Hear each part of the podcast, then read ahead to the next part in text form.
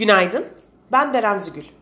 22 Mart 2022 tarihli haber başlıkları ve piyasa bültenini paylaşacağım. Fed Başkanı Powell, Mayıs ayında 50 bas puanlık faiz artışının mümkün olduğunu söyledi. Powell'ın açıklamaları sonrası ABD tahvil getirileri 2019'dan bu yana en yüksek seviyelerine çıktı.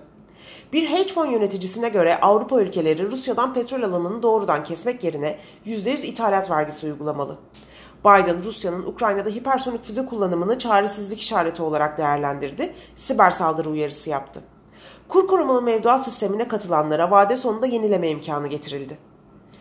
Piyasalara genel olarak bakacak olursak, pay piyasalarında Suudi Arabistan'da petrol tesislerine yapılan saldırı sonucu petrol fiyatları yeniden yükselişe geçti. Petrol fiyatlarındaki yükselişin etkisiyle borsalar günü düşüşle kapattı. Petrol fiyatlarındaki ve enerji fiyatlarındaki yükselişin devamı durumunda başta Avrupa borsaları olmak üzere major borsalarda satış baskısı yaşanabilir. Borsa İstanbul kapanışına göre ABD ve Almanya vadelileri sınırlı pozitif seyrederken Asya borsalarında pozitif ağırlıklı karışık bir seyir var.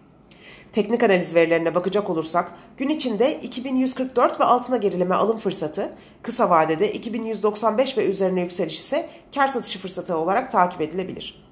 Viyop tarafında ise gün içi long pozisyonlar için 2417, short pozisyonlar için 2473 seviyeleri zarar kes seviyesi olarak izlenebilir. Borsa İstanbul'un ve endeks kontratının güne negatif bir eğilimle başlamasını bekliyoruz. Kazançlı günler dileriz.